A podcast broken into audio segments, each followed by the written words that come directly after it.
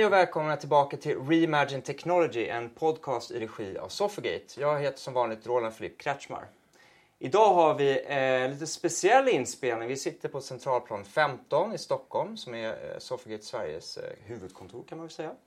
Framför mig här, det ser inte ni som lyssnar på dagens avsnitt, så har jag massa åskådare, deltagare, gäster. Välkomna! Tack. Härligt! Det ska bli superkul det här. Lite ett annorlunda format. För er som är liksom återkommande lyssnare så kommer ni märka att det kommer vara lite mer freestyling idag, lite mer spontant och lite mer interaktivt med publiken. Superroligt! Men den jag helst av allt vill hälsa välkommen idag är Fredrik Heghammar. Välkommen! Tack så mycket! Du ska alldeles strax få uh, berätta vem du är och lite varför Oj. du mm är med här som gäst. Men innan du kör den här formella LinkedIn-CVn. Mm. Det här med högtalare, amps, mm. ljud. Mm. Förstärkare. Ja. ja. Kan du berätta något om det? Ja, men eh, lite kul grej.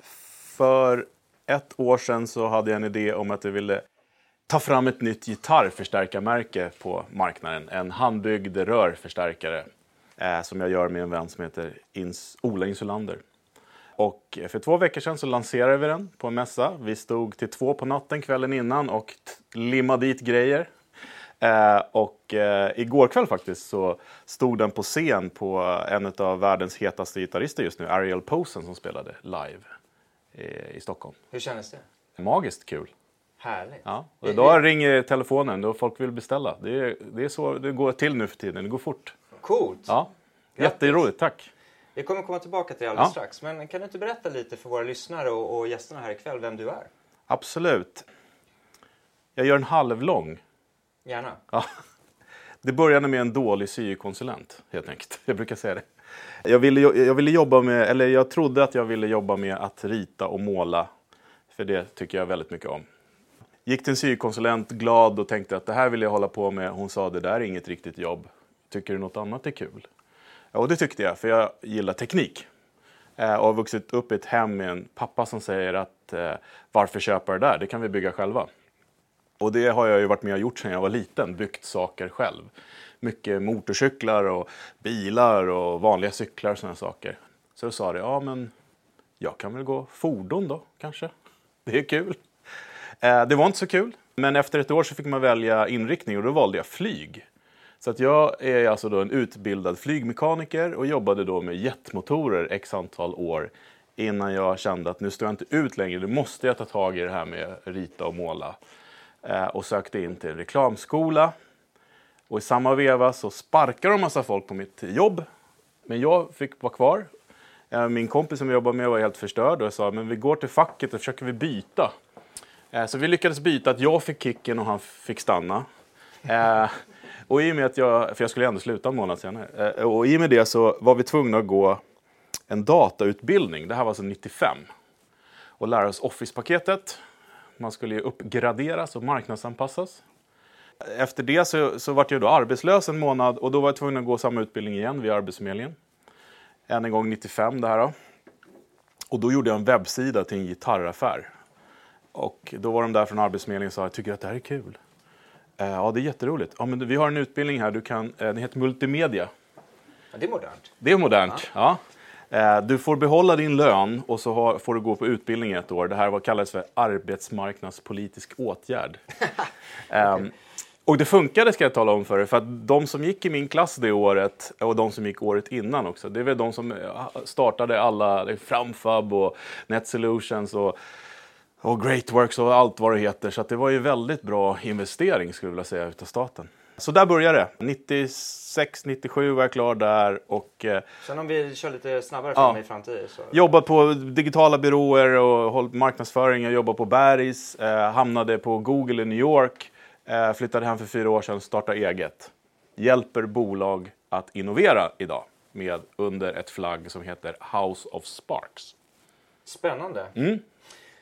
Jag sa att den var lång. Ja, exakt. Jag var speeda på lite ändå. Jag vet hur det är. Man berättar om sig själv. Väldigt ja, trevligt. Du sa LinkedIn. LinkedIn, exakt. Vi skickar en länk. Nej, men vet du vad? Jag satt och tänkte när du berättade om din bakgrund. Mm. Att, eh, jag vet inte hur många i, i publiken, bland våra gäster här idag eller bland våra lyssnare som har byggt motorcyklar och, och liksom är vana vid att, att bygga saker. Alltså jag jobbar själv i, i en bransch, jag har jobbat i en bransch i alla mina år där vi tänker väldigt mycket, vi bygger sällan saker. Måste man vara bra på att bygga för att vara innovativ? Nej. Och varför då? Nej, men alltså det handlar ju om, det handlar om, eh, det handlar om att jobba med rätt människor. Det handlar om ett team. Alltså, den, eh, jag hörde det senast igår på, kanske till och med var radion. Jag är gammal, jag lyssnar på radion på morgnarna. Är ju att eh, den myten om det ensamma geniet är ju liksom, den är ganska sprucken om man säger så. Det handlar om eh, interdisciplinära samarbeten helt enkelt. Vad innebär det för en lekman då? Ja, men det innebär att folk med olika kompetens tillsammans kan skapa något mycket större än vad man kan göra själv. Och jag ska vilja säga, det är nyckeln till innovation. Och som jag förstår det, för vi har ju varit bekanta ett antal år, det är ju typ det du jobbar med. Ja, Att, att lära eh, stora, små bolag, organisationer, offentliga myndigheter och så vidare att jobba interdisciplinärt. ja att först och främst ta vara på de talanger de har internt. Och jag säger perspektiv, för det är vårt sätt att prata om mångfald. Mångfald är super, superviktigt. Men det är för mycket fokus på etnicitet, kön, ålder. Jag skiter i hur gammal du är eller om du har snopp eller snippa. Jag vill ha er hjärna. Mm. Och när man kommer till företag, stora företag framför allt, så är det helt otroligt att de fortfarande jobbar med stuprören. Och hur glada de blir när de möts i, i de här designsprintarna som vi gör då, som det kallas. De bara, men vi har ju samma utmaningar. Jaha, kan du hjälpa mig med det? Kan du lösa det? Det är faktiskt otroligt frigörande. Och ibland räcker inte det, då tar vi in externa folk. Jag sitter också och reflekterar över, kanske många med mig här i, i publiken, att okej, man behöver inte bygga för att vara innovativ. Man Nej, men måste, det underlättar. Okej, vi kommer tillbaka till Mm. det, men måste man vara kreativ när det gäller färg och form och rita och måla för att vara kreativ då? Eller för att vara Nej, innovativ? nej, det kan faktiskt mer vara ett hinder. Det är skönt, eller hur? Ja, nej men för att när vi jobbar med våra innovationssprintar, så de som har svårast att släppa lös och se förbi målet är de som är duktiga på design. För de vill göra snyggt. Och när man jobbar med det som vi gör handlar det om att eh, eh, liksom bygga fasader för att testa snabbt. Vi jobbar mycket med prototyping som är så här, den minsta möjliga ansatsen för att få datan på idén. Och det handlar inte om att göra det pixelperfekt. Eh, och det, det är en utmaning med dem. Det eh, utmaningen är när man jobbar med så här interdisciplinärt, det är de som kan för mycket om ett ämne och de som har för mycket eh, i, i 90 gritty grejerna Men ändå använder du ett ord som, som jag tror de allra flesta känner igen. Design sprint.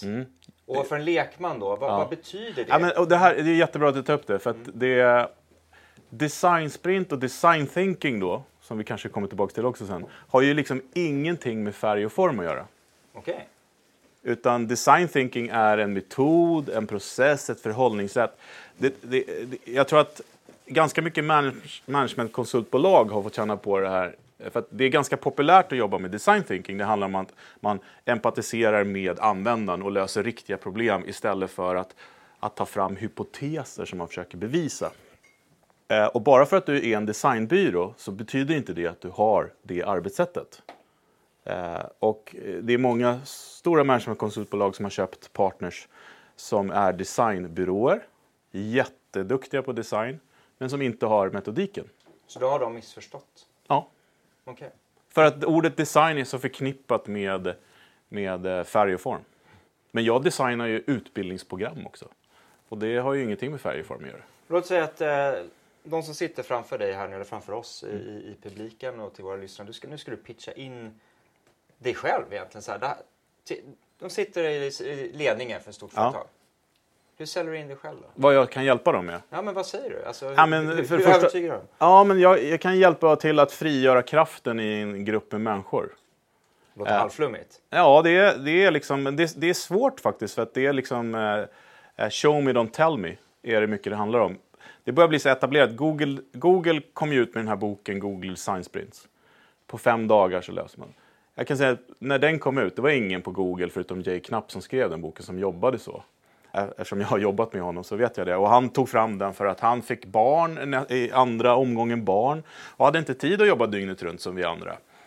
Och då tog han fram en metod för hur kan jag vara så effektiv som möjligt på så kort tid som möjligt. Så han löste sitt eget problem genom design thinking? Ja, han använde design thinking för att precis skriva den här boken. Och nu är det ju liksom ett etablerat sätt att jobba det här sprintformatet som är ett jättebra komplement till den, den dagliga verksamheten. För att bara jobba i sprints, då blir man ju som en eh, urvattnad påse, höll jag på att säga. Och nu kör vi verkligen så design thinking one-on-one här. Men vad är en sprint? Ja, men en sprint är ju när man går från eh, liksom brief till testad, eh, för oss, från brief till testad prototyp. På, I våran metod tar två dagar. Okej. Och då är vi tillbaka till det här med bygga. För att det handlar inte om att eh, slänga upp 400 powerpoint slides. Nej, verkligen inte. Det handlar än en gång, beroende på idén, då, eh, att eh, paketera den på ett sätt så att folk kan testa den. Prototyping handlar om att få din idé ut från huvudet så andra kan agera på den. Och interagera kanske till och med. Är det en post-it-lapp, grattis, då är det din prototyp. Men vi jobbar mycket med videoprototyping. Okej, spännande. Vad betyder det? Jo, men för att när man jobbar med video så kan man visa upplevelsen av en idé. Och jag kan ta, jag kan ta den här flaskan som står här och säga att det här är en, en korvprinter. Och så kan jag visa er, göra en film när jag låtsas att jag printar en vegetarisk korv och har ketchup och senap på den. Typ. Jag behöver inte bygga den här korvprinten för det kostar flera miljoner. För ingen av er vill ha den här korvprinten. Det har jag testat hundra gånger. Så det vet jag. Och då att, att visa upplevelsen av det är ett väldigt bra sätt att, att få kunna eh, ta fram frågor och ställa frågor kring det och sånt. Och det var någonting vi jobbade med på Google där jag var eh, då väldigt mycket. Och det roliga var där när, jag kom dit och de bara, ah, vi jobbar med videoprototyp. Då, då slog mig att det här har jag ju hållit på med hela tiden.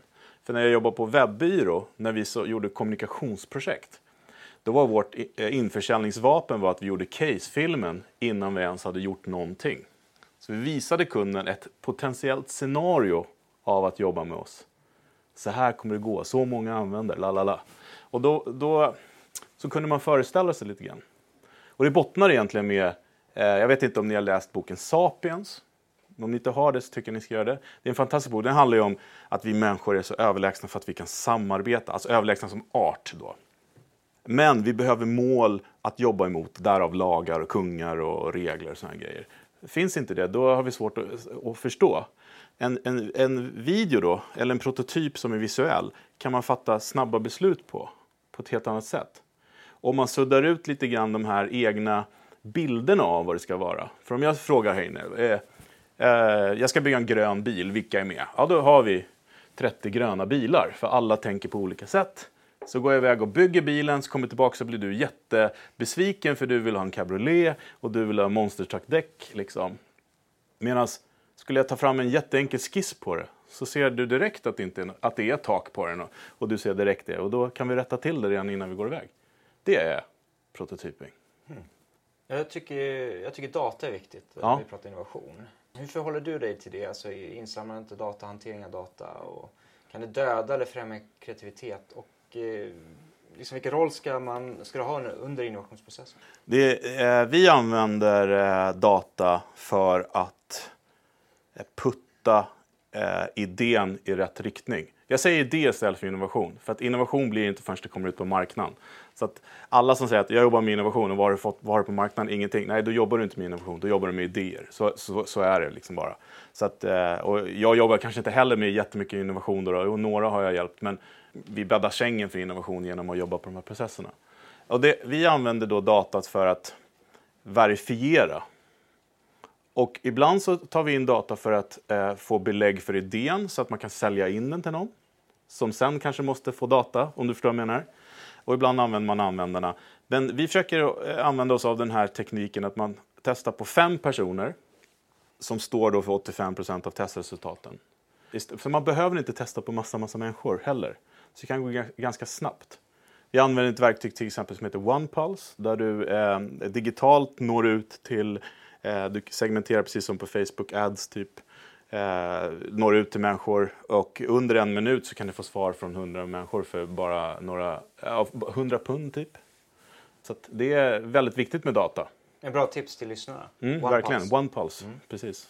Men det sagt, för att lägga till en grej. För när jag föreläser om det här, då är det alltid någon som säger så här. Ja, men om Henry Ford hade frågat folket vad de ville ha så hade de sagt en snabbare häst. Ja, innovation handlar ju om timing också. Magkänsla, det handlar om att vara ihärdig och försöka och försöka och försöka tills det sitter. Och det känns ju som att vi alla kan, kan skriva under på. Så man behöver inte vara superkreativ för det faciliterar du. Man Mm. behöver inte kunna bygga för att det ja, behöver man inte. Nej, för att det handlar om make sure you build the right it before you build it right. Just det, och det lät ju jäkligt svårt. Nej, men att bygga rätt sak innan man bygger på rätt sätt. Vi är jätteduktiga på att bygga saker på rätt sätt. Det är vi jätteduktiga på. Men att bygga rätt sak innan vi bygger på rätt sätt är vi sämre på.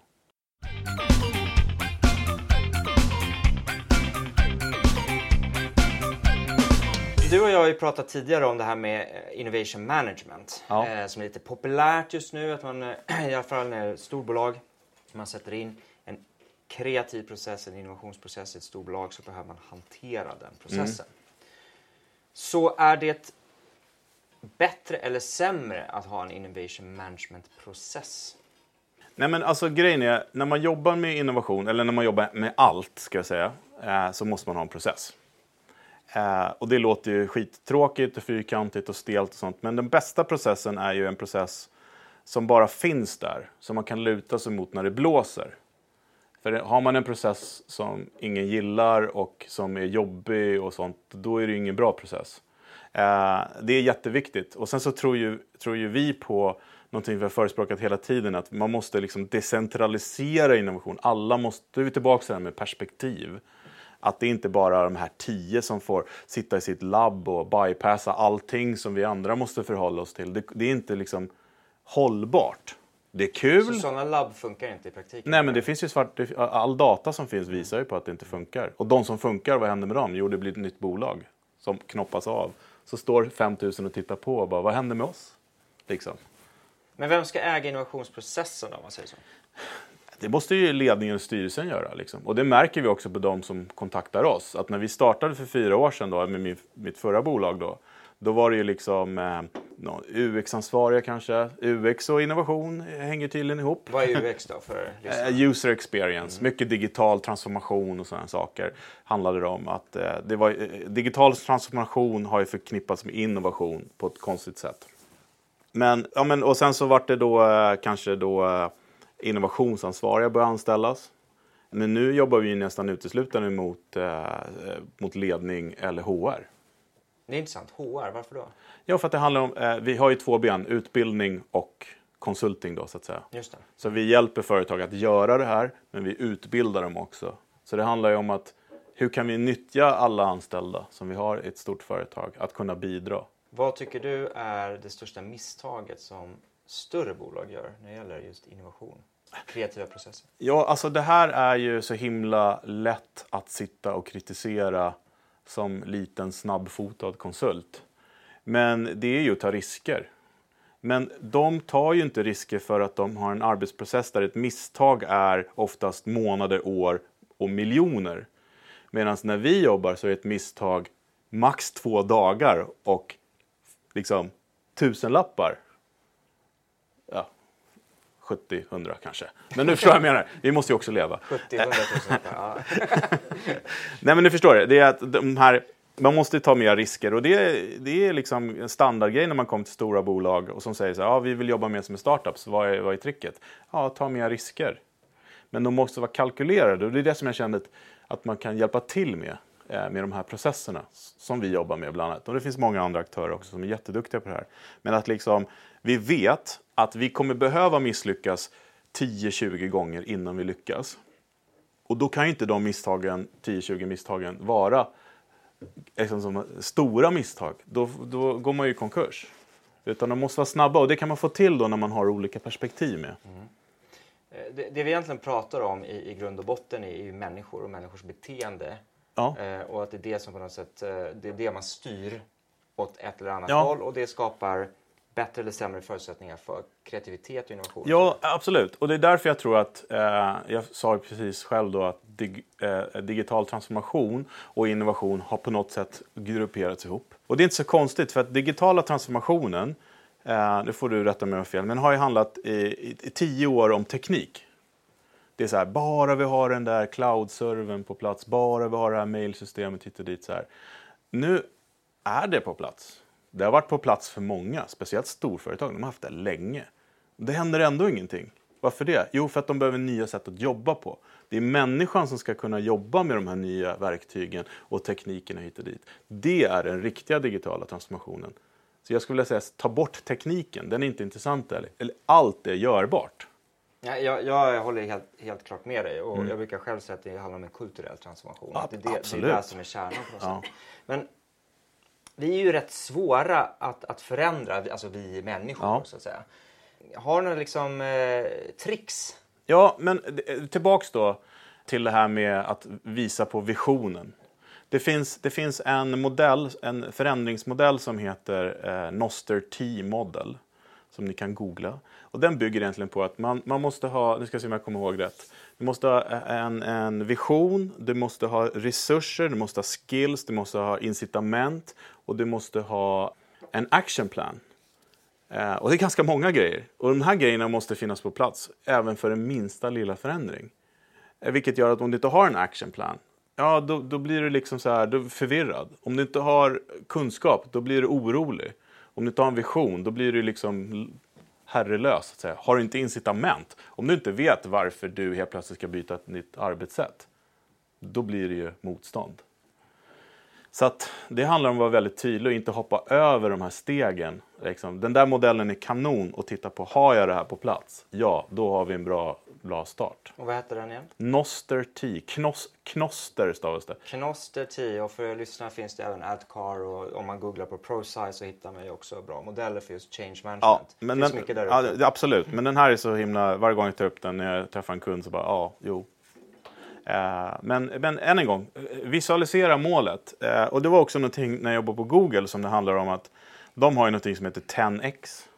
Det vill säga när man kommer fram med en idé så säger de skitbra, gör den tio gånger bättre. Tio gånger större, tio gånger in i framtiden. Bara kötta på liksom. Skitstressigt när man är där. Men det fanns en poäng i det för att när man kastar sig in i framtiden, när man gör grejer som man inte tror är görbara och så visualiserar man dem så kan du alltid hitta någon som kan göra det. Nu öppnar vi ett nytt fönster, bara kom på en grej. Det är rätt intressant det här med myter, eller hur? Corporate myth. Mm. När det gäller Google och deras innovationskultur. Ja, Jag läste så sent som förra veckan en rätt intressant artikel om det här. Att det, det, det finns ju en så myt om att alla på Google får jobba en dag i veckan med sina egna kreativa projekt och så. Och det stämmer tydligen inte. Utan Nej, de har tagit bort det. ja, det, det, I början kanske det var så, men nu är det i princip utvecklare som gör det. Alltså Nej, de, de och- säger så här att eh, det räcker inte med en dag, det ska vara fem dagar. Det är möjligt, exakt. Men Det räcker inte att vara kreativ en dag i veckan. Vad var det som gjorde i alla fall Google till ett väldigt innovativt bolag då för låt säga 5, 10, 15 år sedan? Ja. Och vad är det som möjligtvis gör att Google kommer vara mindre innovativ i framtiden? Ja, det är, är, är enkelt, det är fyra bokstäver. Beta. Det var det som gjorde dem. De hade hela tiden beta som stod där, om ni kommer ihåg det. Det betyder vi tar risker, vi kommer hela tiden fortsätta att utveckla oss och ta risker, testa, testa, testa, testa tills det sitter rätt. Så fort det försvann, så vart det ett storbolag. Väldigt bra att ta många risker, men det kan de göra för att de har mycket pengar nu. Men då hade de inte mycket pengar. Men då var det här det konstanta, vi vill liksom utveckla.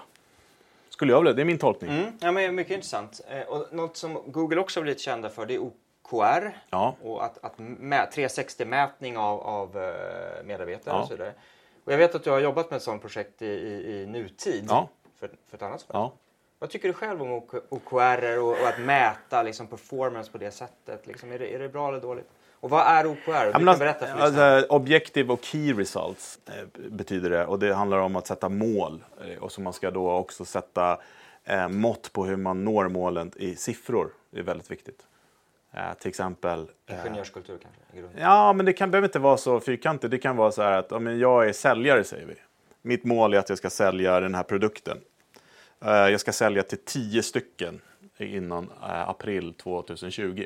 Det är väldigt stora, dyra produkter. Där. men, eh, och det måste liksom vara mått. mått. Jag, ska ha, jag ska ha 25 möten och sånt, så att det är viktigt. Nej, men jag, jag tycker att det är bra, men det, det är inte... Det, OKR är bra. Jag gillar att ha mål, jag gillar listor. Min fru gör listor till mig hemma, det älskar jag för då bara köttar jag liksom. Eh, men kulturen måste ju också vara fräsch. Vad är det som är ofräscht med den kulturen då? Nej, det, inte den kulturen, men det är liksom en amerikansk corporate kultur är i mina ögon inte så fräsch. För mig, jag gillar inte det det, det, det, det, är svårt att sätta sig in i om man inte har varit med om det. Men det är liksom så här, alla vill till nästa steg. Liksom. Man har inget problem att sätta kniven i ryggen på någon för att komma dit. Och, Det får man lära sig redan i skolan där, så det är inget konstigt för dem. Men som man kommer in som svensk som så här, vi samarbetar väl, eller hur? Det, det, då liksom, är det lite annorlunda. det. Eh, så att det jag menar med OKRs. Om, liksom, om, om det är för att förtydliggöra för en grupp människor vart vi ska och se till att alla kan använda dem för att få det de behöver för att komma dit? Ja, 100%. Men om det är för att liksom så här, eh, för OKR ska också vara obekväma och nästan lite ouppnåeliga ibland för att man ska ta sig framåt. I en kultur där det bygger på att jag måste jobba 24-7 för att ens få min lön och att jag kan få sparken dagen efter på dagen och gå med min låda som i filmer. Det är så på riktigt. Eh, det är inte fräscht. Något som är fräscht, mm. det är passion. Mm. Eller hur? Ja. Och eh, du har ju en passion för, för ljud, kan vi säga det? Alltså, du har byggt en amp, du berättade om det i början. Eller vad, vad, är, det, vad är grunden där? Är tekniken, ja, men, är det ljudet eller? Nej, det är musik. Ja, just det. Det är det som är passion. Ja, så ljud som låter på något sätt? Ja, det måste låta rätt. det måste låta rätt. När du bygger eh, världens bästa ampar, ja. Vad lär du dig av den processen som du tar med dig till de här storbolagen och myndigheterna? Och Ja, eller så kan man vända på det. Vad tog jag med mig från storbolagsprocessen jag jobbar med in i den? Eh, och det är väl liksom så här att när, när vi då två entreprenörer sätter oss ner och ska göra det, där ena är liksom eh, det tekniska eh, elektronikgeniet och den andra är en ivrig eh, brukare, som jag är då, så är det, handlar det om att vi snabbt målade upp visionen om vad vi ville att det skulle bli. Eh, och liksom, vad har vi för mål med det hit och dit. Sen att ta fram en prototyp tidigt för att kunna få data, vara ute och testa. Men inte bara för att höra vad folk tycker, men också för att veta att den håller. Eh, alltså riktig användartestning. Vi gjorde liksom 60-70 gig på den för att liksom verkligen testa den och få folks read, eh, feedback. Eh, gjorde en MVP, minimal viable product, om ni, för, för att testa den snabbt. Liksom, och sånt. Det enda vi inte har gjort som vi skulle behövt lära oss av storbolagen, det är att vi inte gjort kalkylerna än på den. Och den har blivit alldeles för dyr. Men där är ju passionen då. då. Just det. Ja, att det kanske inte är för att tjäna pengar i första hand, utan för att eh, vilja göra något, ett avtryck. Och det är väl egentligen det, för att på något sätt summera ihop det, som jag ser är liksom skillnaden mellan klassisk kreativitet, som mm. man kanske kan lära sig mm. i en konstskola mm. och att jobba systematiskt med innovation. Mm. Att det räcker inte bara med passionen. Nej. Så det, är inte bara, alltså det räcker inte heller bara med Nej. processen och så. Nej, absolut. Och det är svårt också när man då som i det, i, det projektet har jag ju suttit på två stolar. Den här passionerade liksom, brukaren då som tycker att det är fantastiskt. Till att när jag får den sista delarna klockan två på natten som jag sa innan ska åka ner och lansera den så ser jag att den här glipan är 3 mm, den ska vara 1 mm och jag får dampar på det. Liksom. Eh, för då är jag inne i en annan roll när jag vill att det ska liksom, eh, och att den här färgen bygger lite för mycket på höjden. Vi måste hitta ett nytt trycksätt. Sådana saker. Processer och test, test hela tiden. Liksom. Men eh, det som du säger, det är många kreatörer då som inte har kanske den entreprenöriella sidan i sig. Så därför är ju då lagarbete väldigt bra. Så hitta en bra partner.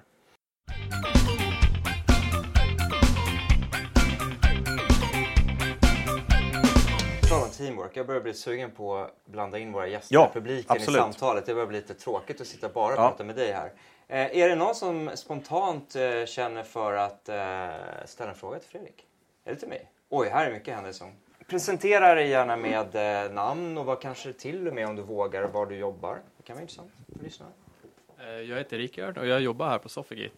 Mm. Hej. Ehm, min fråga till dig är, när du jobbade på Google, fick du någonsin kniven i ryggen?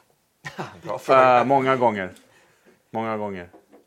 Vill du berätta om det? Nej, men alltså, all, jag behöver inte... Jag, men om man säger så här, jag var chef där. på, på min, i min grupp. Och eh, till exempel när vi hade möten ibland så tog jag notes. Då blev man tagen till sidan sa du Fredrik, det här ser inte bra ut, du är chef, du ska inte ta notes. Nej, men jag var den enda som inte satt med händerna fulla. Liksom spelar en roll. Det är inte bra. Liksom. Så att lite sådana små dolkar. Små snabba stick. Ja, små snabba stick. Nej, men det är en sån kultur i, i, i USA skulle jag vilja säga överlag. Så det, är inget, det är alla medvetna om där. Och jag hade fantastiska medarbetare eh, som berättade det för mig, både personligt plan när jag flyttade dit. Eh, jag bodde fyra månader utan min familj och liksom sa det att här när man, när man bestämmer tid med någon, om, om något annat roligare dyker upp, då tar man det. Det är bara så det funkar här. Och att jag fick lära mig det tidigt var ju väldigt skönt, för att så funkar det inte här. Man skulle ju bli väldigt besviken då. Om man blir liksom bortvald. Liksom. Men det är så det funkar. Eh, det här blir lite svårt för våra lyssnare, men en liten handuppräckning här i, i publiken. Eh, är det någon här som jobbar på ett sådant företag idag? Den, jag behöver inte säga var ni jobbar i så fall. Utan alla jobbar, verkar det som, då kanske i något ja, annan typ av bolag helt enkelt. Nej, men, nej, kulturen men ja, man måste också, programmet ska inte handla om vad, hur det är att jobba i USA, det kan vi prata om någon annan gång. Men eh, man får tänka att det, det hela tiden handlar om att ta sig till nästa steg. När man bor i ett område så kan det vara så att om man bor i rätt zon, så, som vi då som svenskar kommer dit och kollar upp allting och dessutom har råd att bo i rätt den där barnen som bor på andra sidan gatan går i ett skoldistrikt där de liksom kan börja sälja knark direkt. Det spelar ingen roll, för de, har, de kommer inte komma vidare därifrån för att de går i den skolan. Och det är ganska hemskt. Då, då förstår jag att man kör lite dolkar i ryggen för att kunna se till att sina barn får gå på den där skolan. Så att, som, det är så det funkar. Vi tar det i nästa podd. Ja. Vi har en till fråga. Max heter jag, jobbar på Absolut. Jag är lite nyfiken på, du hjälper ju företag att innovera säger du. Mm. Hur pass redo är de företagen som anlitar dig att innovera? Det varierar lite grann faktiskt. En del har kommit väldigt långt. Eh, en del är precis i början på att utforska. Jag vet inte om det var svar nog. Kan du inte ge några exempel? Du behöver inte nämna namn, men eh, ge några exempel på typuppdrag du har. Då. Men jag kan nämna ett exempel eh, eh, med namn som jag är väldigt stolt över. Skatteverket. Otroligt innovationsbenäget bolag. Och det märker man inte förrän man flyttar från Sverige ett tag och kommer tillbaks. Alltså halleluja, bank-id och, och eh, digital deklaration. Det, det, det, ja, jag gråter nästan av lycka. Eh, men det, eh, det teamet i alla fall, ett innovationsteam där, eh, har jag varit med. Först var jag in och gjorde sprinta med dem. De tyckte det här var ett bra sätt. Kan vi lära oss att jobba så här? Eh, lärde dem det. Nu är de ute och sprintar i, i sin organisation hela tiden. Och har nu börjat liksom så här, ja, men var fjärde vecka tar vi in någonting och bygger liksom i vårat, eh, lite mer så här prototyper och sådana saker. Där man får till en rörelse. Även kan man tycka att Skatteverket känns jävligt stelt sådär kanske på pappret, men det är det inte. Det händer mycket. De jobbar mycket mellan olika eh, andra verk och hjälps åt liksom, och tittar på AI-lösningar. För de har kommit på där att äh, men, eh, om vi ska ha en, nu hittar jag bara på här, men om vi ska ha en eh, en chattbot som svarar på frågor kundtjänst. Ja, men skatt, eh, Skatteverket behöver en, Bolagsverket behöver en, Försäkringskassan behöver Vi gör det tillsammans. Och det tycker jag vi ska vara glada över, vi som betalar det, eftersom det är skattefinansierat. Men det är väl eh, typ på en organisation som verkligen försöker. eh, Är det mycket backstabbing? på Skatteverket? Det, det tror jag inte faktiskt. Det tror jag inte. Nej, inte vad jag känner till. Jag brukar få en sån nålstick på varje Ja. vår av Skatteverket. Men Ja, det är sant. Men det är en annan sak. Det, det får stå för dig. Är det någon annan som eh, har någon fråga?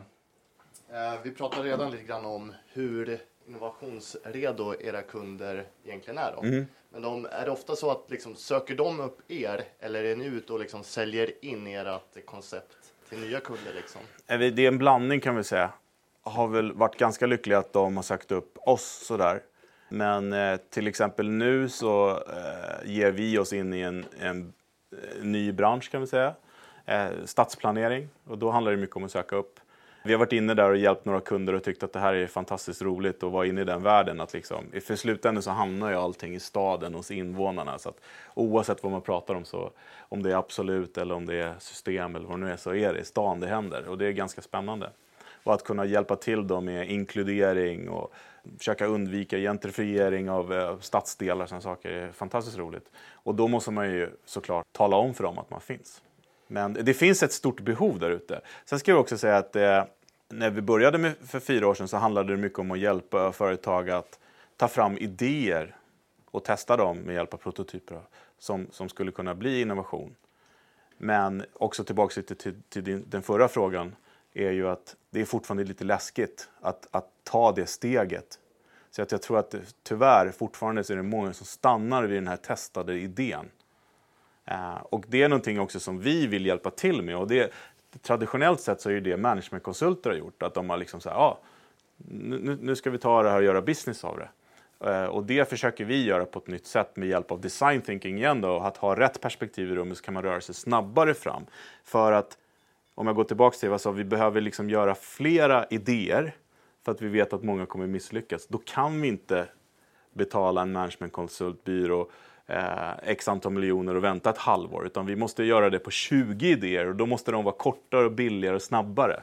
Och det är någonting som vi försöker fokusera på. House of Sparks, din, din eh, så att säga, nuvarande eh, konsultlåda. Mm. Ni har ett samarbete med Changers Hub. Ja. Kan du berätta om det? Ja, men Changes Hub är ett, eh, en organisation som startade ute i Botkyrka, Alby, som handlar om att demokratisera rätten till framgång. De har ett, ett, en stor lokal där ute där de erbjuder mentorskap, utbildningar, eh, kurser. Eh, det mer, nu öppnar de en musikstudio bland annat. Och det handlar liksom om att aktivera liksom förorten så att säga.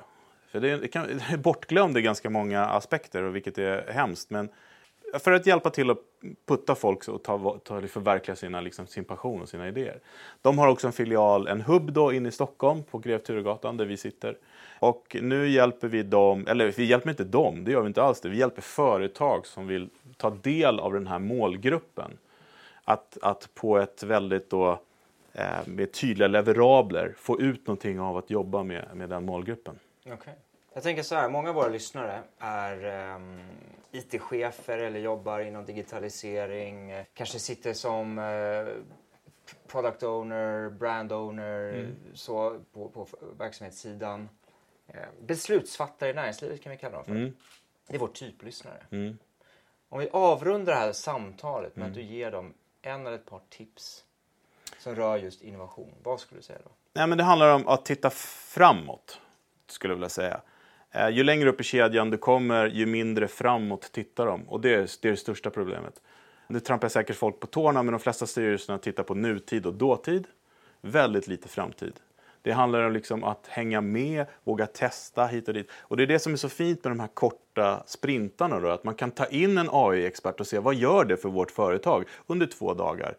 Man behöver inte anställa någon, för det kostar ju hur mycket som helst att få, få in och anställa fel och hit och dit. Så använd de här nya processerna som den digitala transformationen eh, ger oss möjlighet till att göra med alla sina verktyg och, och eh, nätverk för att testa, testa, testa, testa, testa, testa.